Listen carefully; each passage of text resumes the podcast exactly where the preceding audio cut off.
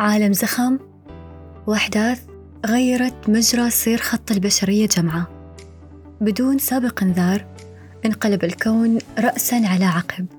أبحرت سفننا كما اشتهت الرياح لا كما أردنا نحن. أنا حورة البريكية وهنا في نيق بودكاست. عزيزي المستمع دائما ما يغلب على البودكاست الطابع العفوي وهذا الشيء هو أكثر ما يميز هذا التطبيق اللي يضم المئات ربما من القنوات المختلفة للبودكاست بتنوع مواضيعها وتوجهاتها وربما تكون في نيق بودكاست ذات توجه رقمي إذا جينا نجاري تحولات العصر. يا ترى هذه التحولات مخيفة أم إنها تصب صب كاملا في مصلحة البشرية؟ موضوع اليوم موضوع عايشناه على أرض الواقع. واجهنا صعوباته وتحدياته. وبفضل من الله قدرنا على الاختلاط به رغم كونه الدخيل علينا نحن ولسنا نحن الدخلاء عليه. ولكن شاءت الأقدار بأن يكون هو السيد ونحن السمع والطاعة. التحول الرقمي أو ما يعرف بالرقمنة. سيول هائلة من الأرقام ولغة الكمبيوتر المعقدة. ورغم هذا التعقيد إلا أن كنا في أمس الحاجة في أن نفهم وندرس تفاصيله ونتعمق فيه حتى نستطيع التعايش نحن وهو تحت سقف واحد. من زمن النقش على الحجارة وصولا إلى التكنولوجيا والإنترنت والذكاء الاصطناعي. بكبسة زر تصل إلى آخر العالم وبكبسة زر أخرى ترجع لعالمك من جديد. وتخيل أن كل هذا بلا مجهود.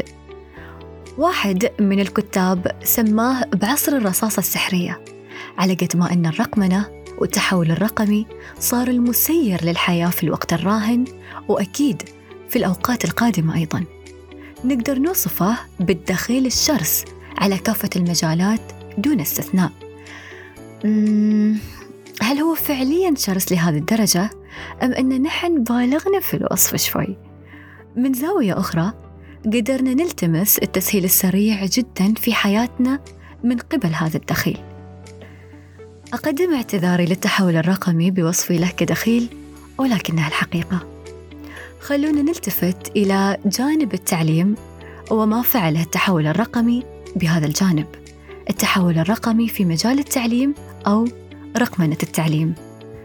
جلالة السلطان قابوس رحمه الله أكد على ضرورة التعليم ولو كان تحت ظل شجرة لقد كان التعليم أهم ما يشغل بالي ورأيت أنه لا بد من توجيه الجهود في الدرجة الأولى إلى نشر التعليم فالمهم هو التعليم حتى تحت ظل الشجرة. في عام 1970 للميلاد خطى التعليم خطوات جبارة ففي خلال خمس سنوات فقط هذا يعني بأنه حتى عام 1975 ارتفع عدد المدارس إلى 163 مدرسة وبلغ عدد الطلاب 49229 طالب وطالبة. وهذا إن دل يدل على عظمة أهمية مجال التعليم منذ بزوغ فجر النهضة المباركة وإلى الآن. بمعنى آخر من تعليم كان يدرس تحت ظل شجرة إلى دراسة من فوق السرير.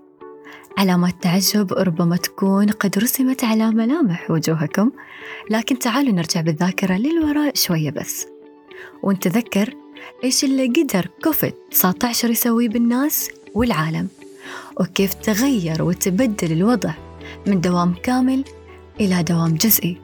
ومن موظفين عاملين في المؤسسات والدوائر إلى النصف منهم فقط ومن طلاب حاضرين على مقاعد الدراسة إلى طلبة ماكثين في بيوتهم سادلين ذاك الغطاء على أجسادهم منعمين براحة النوم آبين الاستيقاظ لتلك السويعات الصباحية الأولى. وكل الفضل يعود للدخيل الجديد خنقول. الرقمنة اللي استلت ستائر الراحة والمساعدة لذاك العالم الذي كاد أن يبيده الوباء وجعل كل الأمور تمشي تمام التمام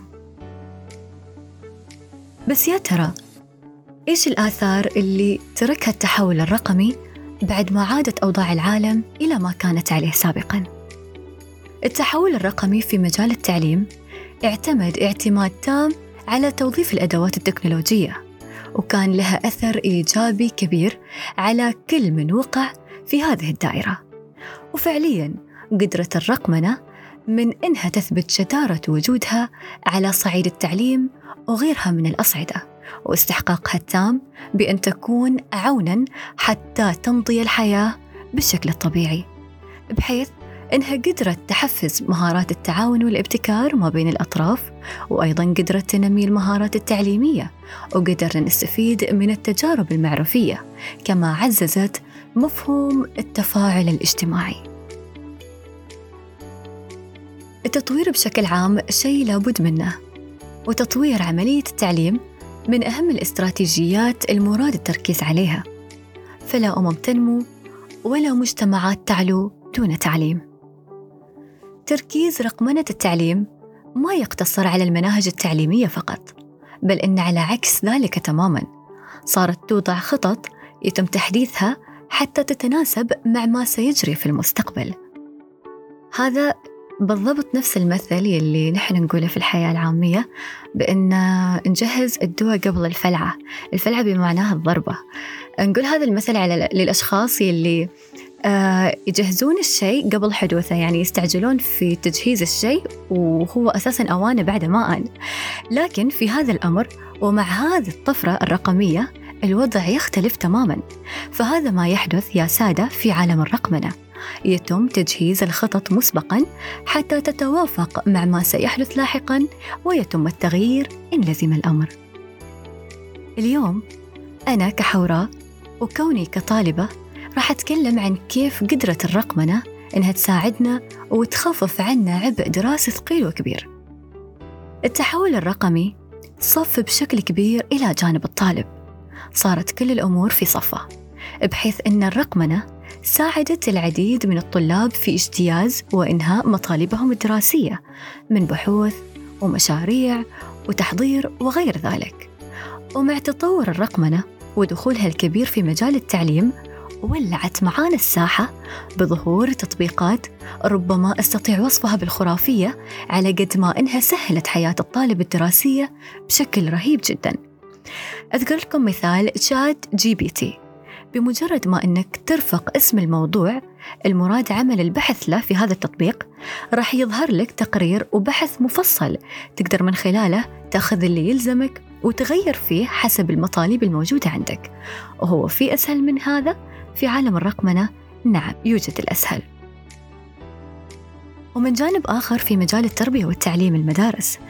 اليوم الآباء والأمهات وأولياء الأمور بشكل عام صار ما هو مضطر الأب أو الأم يأخذون بريك من دوامهم ويستأذنون من المدراء وما إلى ذلك ويعلقون في زحمة الطريق ويا الله يأخذوا ساعتين من الدوام إلين ما يروحون مدرسة أبنائهم وبعدها يلتقون بالمعلمين والمعلمات ويضطر المعلم إنه يستقطع من وقت حصته علشان يقدر يقابل الأب أو الأم وبعدها يعرض لهم آه، درجات آه، الطلبة أو الطلاب أو أبنائهم هذا هذا الزحمة الرقمنة نفتها نقدر نقول.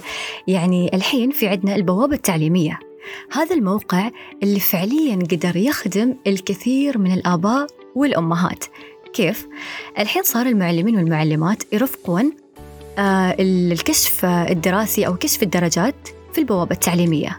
من خلالها وبكبسة زر فقط يقدر أولياء الأمور يدشون على البوابة التعليمية ويتابعون كشف درجات أبنائهم بحيث أن أولياء الأمور يكونون في الصورة. وطبعا المعلمين والمعلمات والهيئة التدريسية بشكل عام ال update معاهم يكون بشكل مستمر. يعني update الدرجات يكون بشكل مستمر يتم النظر إليه وتغييره بحيث أن الأب ما يلاقي صعوبة في أنه يتابع دراسة ابنه في وقتها الصحيح. لذلك هني في رسالة لك أيها الطالب المشاغب في المدرسة. لا مفر من أن أمك وأبوك يعرفون إيش تسوي من الصباح حتى المساء. تلعب أم تدرس؟ بضغطة زر فقط. فدير بالك. التعود هي صفة بشرية يدمن عليها البعض أيا كانت سلبية كانت أم إيجابية. وتعودنا وتعلقنا الشديد إن صح التعبير على السرعة العجيبة اللي وفرتها لنا الرقمنة لها إيجابيات لا تعد ولا تحصى. خلفتها هذه الآفة الرقمية وإن كثرت سلبياتها. ولكن نحن ننظر للجانب المشرق من الموضوع. تحول تكنولوجي عجيب ولا يزال هناك المزيد والمزيد. فمهما تقدم وتطور هذا الجانب من العلم يبقى نتيجة دراسات واختراعات وأفكار وبحوث وتجارب أتاحها العلم لأولئك النابغون. فنحن نمضي حيثما تمضي هذه العولمة الرقمية. كانت وما زالت وستبقى الرقمنة هي المسيطرة على أحداث هذا العصر. ربما يبدو وكأن هذا التحول يحابي الاقتصادات المتقدمة اللي تمثل صناعتها أقصى ما انتهى إليه العلم في توظيف التكنولوجيات الرقمية في إنتاج والتشغيل. وإلى هنا أيها الأصدقاء. نختم موضوع حلقة البودكاست لليوم وإلى أقرب لقاء يجمعنا في حلقة أخرى كونوا بخير يا أصدقاء وإلى الملتقى.